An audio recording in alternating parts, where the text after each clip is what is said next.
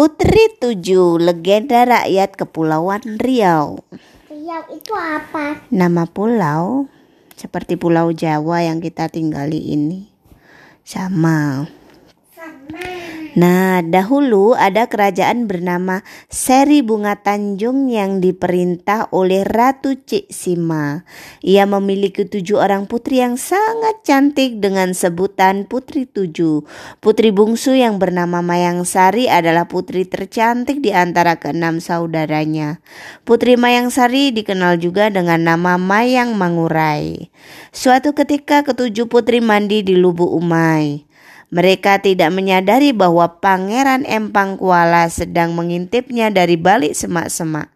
Sang pangeran sangat terpesona melihat kecantikan salah satu putri. Pangeran Empang Kuala pun bergumam lirih. Garis cantik di lubuk umai, cantik di umai. Ya, di umai. Gumam Pangeran Empang Kuala.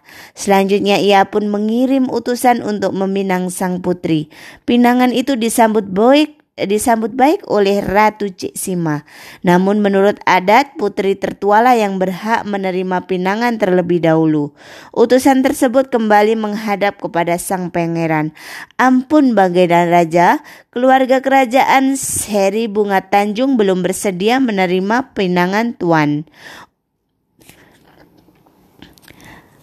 Lalu mendengar laporan itu, sang raja tak bisa terima. Pangeran segera memerintahkan pasukannya untuk menyerang kerajaan Seri Bunga Tanjung.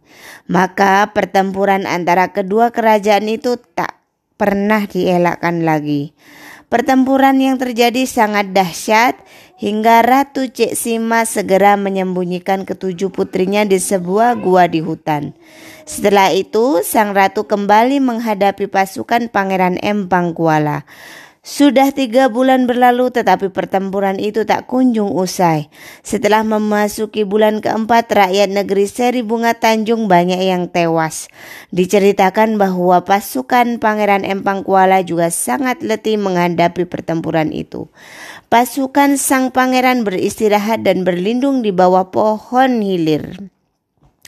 Menjelang malam, secara tiba-tiba pasukan Pangeran Empang Kuala tertimpa beribu-ribu buah bakau yang jatuh menusuk ke badan.